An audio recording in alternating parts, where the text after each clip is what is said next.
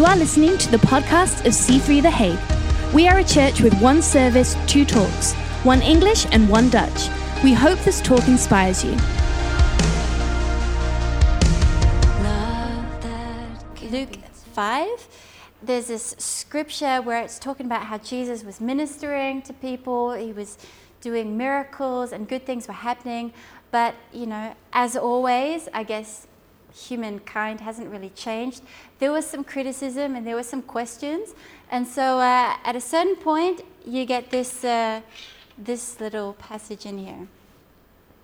One day, some people said to Jesus, John the Baptist's disciples fast and pray regularly, and so do disciples of the Pharisees. Why are your disciples always eating and drinking? Jesus responded, Do the wedding guests fast while celebrating with the groom? Of course not. But someday the groom will be taken away from them, and then they'll fast. Then Jesus gave them this illustration. No one tears a piece of cloth from a new garment, and uses it to patch an old garment, for then the new garment would be ruined, and the new patch wouldn't even match the old garment. And no one puts new wine into wine, old wineskins, for the new wine would burst the wineskins, spilling the wine and ruining the skins. New wine must be stored in new wineskins. But no one who drinks the old wine seems to want the new wine. The old is just fine, they say. So let's pray. God, I thank you for this scripture, and I thank you um, that you're going to speak to us right now through the scripture. I pray that our hearts would be open to learn from what you have to say. I ask that you'd speak to us, and I pray that you'd help me to bring this message and share what's on your heart. In Jesus' name, amen. So here we see a bit of criticism people had of Jesus because he wasn't like John's disciples. It was also criticism of his disciples. He wasn't like John's disciples. And I think it's good to take a moment just to explain what John was like because we don't talk a lot about John the Baptist, if I'm really honest. But he was a pretty significant person in the Bible. So his job was to come and prepare the way for Jesus. And he was a really interesting character. So, first of all, he lived in the wilderness. We know if we read Matthew 3, it describes a little bit about John. He lived in the wilderness, so he didn't go into people's homes, he didn't go to where the people were. All the people had to come to him. We also read that he wore strange and unusual clothing. Apparently, he wore clothes made from camel hair and I have to say, it sounds like he'd probably made them himself. I don't know that for a fact, but it's pretty odd. He also ate locusts, which doesn't sound particularly appetizing to me, and he didn't drink any wine. So he lived quite a sober and a somber lifestyle, really. And if you were his disciples, then it's only natural that his disciples adopted the same thing. So if John was fasting, well, all his disciples would fast too. And then Jesus came along, and Jesus was completely different. Jesus was uh, among the people. He went to the cities, he went to people's homes, and he ate with them and he drank. He didn't have any problems with drinking a glass of wine. He also wore nice clothes. How do we know that? Because when he died, there was a big fight among the soldiers about who got the clothes, which you don't have that if he was just wearing clothes from the Zeeman, for example. Nothing wrong with the Zeeman, I go there too, but you know what I mean. So he wore nice clothes and he was fun and he had a message that the kingdom of God was near. And just a completely different kind of vibe. And this was completely not what John's disciples were expecting. So you can read that John's disciples they had some trouble with Jesus. If you go to, or they had some trouble accepting that Jesus was the Messiah. If you read in Luke 7, verse 20, then we read this John's two disciples found Jesus and said to him, John the Baptist sent us to ask, Are you the Messiah we've been expecting, or should we keep looking for someone else? But at that very time, Jesus cured many people of their diseases, illnesses, and evil spirits, and he restored sight to many who were blind. Then he told John's disciples, Go back to John and tell him what you've seen and heard. The blind see, the lame walk, those with leprosy are cured, the deaf hear, the dead are raised to life, and the good news is being preached to the poor. And then he added, God blesses those who do not fall away because of me. So this is incredible. John's disciples are there and they're seeing all of this happen, which you would expect to be overwhelming proof that Jesus was more than just a man. And yet they still ask the question. I find even the fact that there was a distinction between John's disciples and Jesus' disciples is interesting because you'd think that if John's whole ministry was there to prepare the way for Jesus, then surely John's disciples should have easily just been able to flow in with the new Jesus movement, to flow in with what Jesus was teaching. You would sort of hope and expect that they would just be able to embrace the message of Jesus and maybe become even his best disciples. Wouldn't you think that being a disciple of John would be like the perfect preparation for being a disciple of Jesus? But apparently it didn't work that way because they were still identifying with John even while Jesus was around, even while he was walking the earth. Can you imagine being so, um, being so uh, uh, passionate about following God and you are living at the time where Jesus himself is walking on the earth and you don't recognize it or you miss it? You miss it even though you were there because it's not what you expected. So John's disciples, they, they had trouble accepting this message of Jesus. It wasn't what they recognized, it wasn't what they expected. But here's what we also know about John's disciples. See, John the Baptist, he was not a safe character or he wasn't conservative.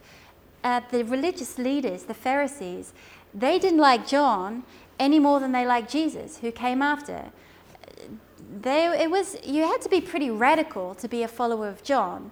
So we know that John's disciples used to be quite radical people. They used they were not conservative. They they were passionate. They were not afraid to go against the status quo and try something new. And they heard this message of John and they they embraced it and they went for it. But then something happened somewhere when Jesus came along. It was different. When they heard Jesus' message, they were not so open to hear it.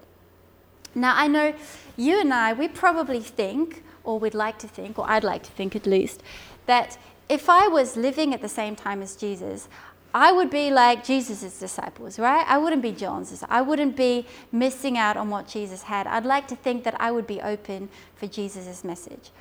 But if I'm really honest, I know, you know, none of us really like change. I mean, how much do we really like to embrace new things? If I'm really honest, I know I'm probably not the best. Now, there are some personalities. Actually, Lucas and I, a couple of weeks ago, did a personality test, and I discovered that Lucas has a personality that just loves new things, all right? So, some, there are those people out there, but most of us, we prefer to stay with things that we know, all right? Now, I used to think uh, when I was younger that I didn't have a problem with change at all. No, I was, I was up for it, you know, keep learning, keep learning. It wasn't until I started to get a bit older that I started to notice, hmm, maybe I do have a bit of a change problem. For example, you know, I remember the whole sort of digital revolution where everything went onto computers and mobile phones came out, and I didn't have a problem with that. I was still, you know, I was still young enough, I just went along with it. But I started to notice at a certain point, I got a bit tired of it. I started to resent the way I was being forced to download all these apps on my phone.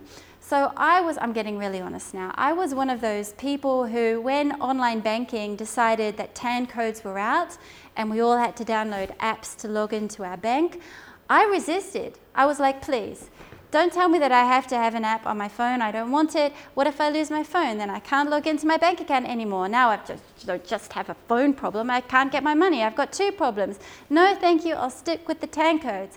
And so every time I logged in, they'd say, download the app. I'd like, no, thank you. And no, thank you. No, thank you. And I think for like at least a year, I resisted. I was like, I just, I just don't want this. You know, they said, it's the safest, easiest way. I'm like, it's not easy. You're lying to me. I have to download it. I have to install it. I have to get another, like, make up another password. You know, if I want to do some online banking now, I do login password on my laptop, and then I have to use face recognition to get on my phone, and then a fingerprint to get into my app, and then I have to use a special, like, number to even confirm that I want to get in my. It's like four authentication factors. Hello, no, I don't want to. Okay, so you're getting a picture right now. You can tell I'm preaching to myself, okay? Yeah, uh, do we really like change? I don't think so. But here's the catch if we keep resisting change, then we might find ourselves in the same position as John's disciples, missing something good that God actually wants to show us. You know, Jesus actually talks about it. He, he observes, he says, people who have drunk from the old wine, they don't want the new wine. They say, the old wine is just fine. And it's true. If we're comfortable, we don't want the awkwardness of having to embrace something new. You know, I remember when I was learning Dutch, I'm so happy now that I've learned how to speak Dutch. But when I first started learning, it's horrible. You have to open your mouth and say funny things, and you know you sound weird, and you feel like a little child just going back to say the basics, like I couldn't really express everything that I wanted to say. Learning something new is uncomfortable. You have to sort of practice until it starts to come, and then you can really enjoy the fruits of the hard work. You can enjoy the fact that you can speak it. So I think often we're, uh, we're hesitant to embrace the new just because it makes us feel a bit uncomfortable. But you know, Jesus, when he's talking here about embracing the new, being someone who's open for something new, he's saying that because he wants to give us something good. You see, John's disciples, I believe they had a revelation of God, and it was a good one. They had a certain perspective of who God was. I believe that they knew that God was truly holy. He was perfect. He was also worthy of making great sacrifices. You have to be really passionate about God and convinced of how great and holy and perfect He is if you want to fast and say, No, I'm not drinking any wine. No, I'm not doing this to hold off from things, to bring glory to God. You have to have a big picture of how holy and perfect God really is. But God is not just holy, and God is not just perfect and worthy of our sacrifices. God is many other things too. And God wants to show us who He really is. He wants to give us a full picture of Him. And I believe well, God is too big for us to get all in one go. And I believe as we walk through life, God wants it to be a journey of discovering Him more and more. And you'll have your own things that you see God this way, and I have revelations that God is like this. And it's when we get together and we start talking about God, or God brings through new seasons in our life, we start seeing God in a different way. We start to get a more fuller picture of who God really is. So, just getting back to John's disciples, they had a picture of God. And God wanted to give them a new picture of Him to show them, hey, I'm not just holy, I'm also fun and merciful and forgiving. Jesus showed a whole new side of God that didn't uh, make the old picture of God obsolete or it didn't cancel out those other qualities, but it added to those qualities to make our view of God more well rounded. And it was time for John's disciples to see that God was also loving, to see that you can actually follow God and enjoy a meal with friends. But because the disciples were sort of closed off, were less open, they were about to miss a whole new revelation of who God was. And we can be the same. We can get a revelation of God and then settle down. And we think, oh, I've got it. Oh, I know it. Now, God and me, we're good. But if you just stop there, you're going to miss it. You're only getting half the picture of who God is. And that's why we need church. That's why this is so important. That's why I'm so happy you've taken the time to watch this service. And that's why can I also encourage you if you're just watching the services but you're not actually connecting or in, in like in any connection with another church, then please contact a church. If we're in your area, contact us. We've got lots of great people who'd love to meet you. But we need each other to show each other who God is. As I said before, you'll have a revelation of God, and I'll have a revelation of God. And when we put it together, we start getting a full picture of who God really is. So it was time for John's disciples to get another picture of God. But they could only get it if they started to open op- if they remained open to learning new things and seeing new things. So sometimes we need to encourage each other to, to continue learning, to keep listening to each other. And one of the ways we can do that is by reminding ourselves that when something new comes along, it's actually an incredible opportunity to learn and to ask ourselves, what is God trying to show me or teach me in this area? You know, and I was just talking before about, um, about uh, ICT, right? New apps and things like that. And I think, oh, well, you know, embracing the new, the latest tech thing is maybe not so important or, you know, difficult actually, you know, the longer you wait, the more difficult it gets to, to change because I ended up having to go to uh, my bank, um, what's that word, branch, like, and physically wait in line for an hour. Uh, in order to set that app up because there was a problem. If I'd just done it a year before straight away, I wouldn't have had that problem. So sometimes the longer we wait, the more difficult it gets to actually embrace something new. But uh, uh, let me just check my notes so I remember the other thing I wanted to say about this. So we can miss out on what God wants to show us, and also, oh, yes. So I think, mm, yeah, so I think uh, learning something new, for example, uh, in technology is, you know, it's not I made a joke of it, but it's not too hard really. But when it comes to, for example, learning something new at work, well, that gets a bit more challenging. Like, yeah, I'm open to learn, just don't tell me how to do my job. You might recognize that in your own work. But I think even more challenging is when it comes to learning things about ourselves or learning things about others. And maybe the most difficult one is being open to learn from others. And Winston Churchill said, I'm always ready to learn, although I do not always like being taught. I know that I definitely resonate with that one. Maybe you do too. You know, it's one thing to say, yeah, I like to learn, but no, I don't want to learn from someone else. But actually, other people around us are maybe the greatest source that we can learn from because people around us, well, everyone has a story. And often we only see things from one side, which is a little bit like what Pastor Lucas was talking about last week. So, learning from others is so important. Uh, but I believe the, the number one reason why we need to remain open to learning new things is because we were simply, we were made to grow. And the moment we stop learning and stop listening to other people is the moment we stop growing. When we have an attitude that's open to listen and learn from others, we will keep growing. You know, I've, you've probably heard the phrase older and wiser you know, a lot of people say, oh, now I'm older and wiser.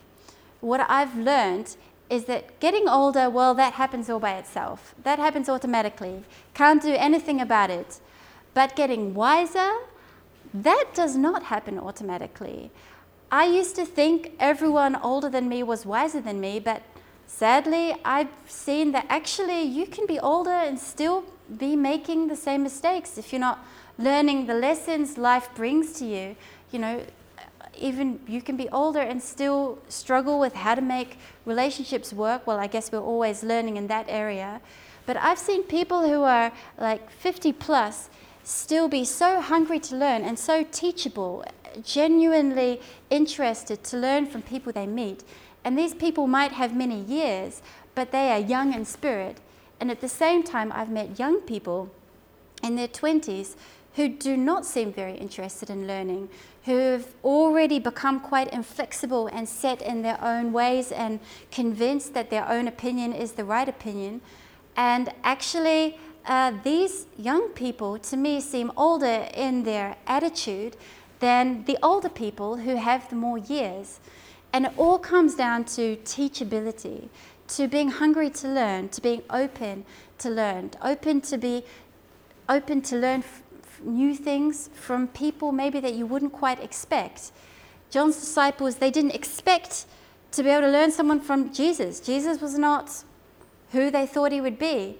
So often it's easy to miss an opportunity to learn because you already have these ideas about the person you're talking to. You're like, I can't learn anything from them. Well, you can probably learn something from every single person you meet. Every person has a story every person has something that you can learn from.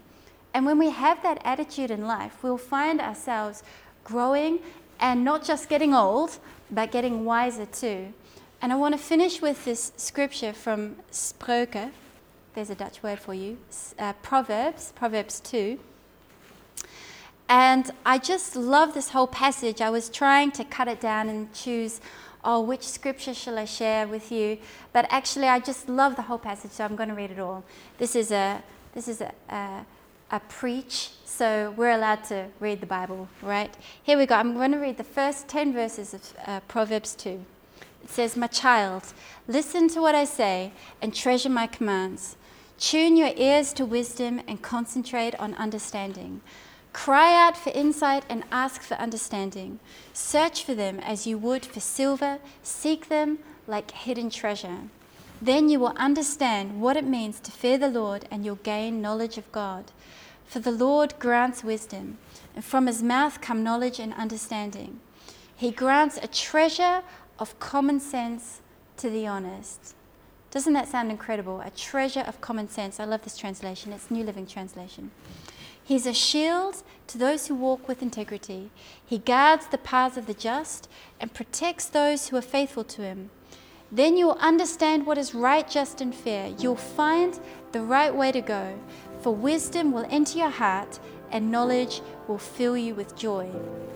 I love that. When wisdom enters your heart, knowledge will fill you with joy. You know, you and I are made to learn. You and I are made to gain wisdom, and there's no greater joy than we can experience in the joy, well, I guess the joy of knowing Christ, but the joy of discovering Him more and more, the joy of being on the journey, of gaining more and more insight, not only into who God really is, but also in the world around us. Wisdom brings its own joy.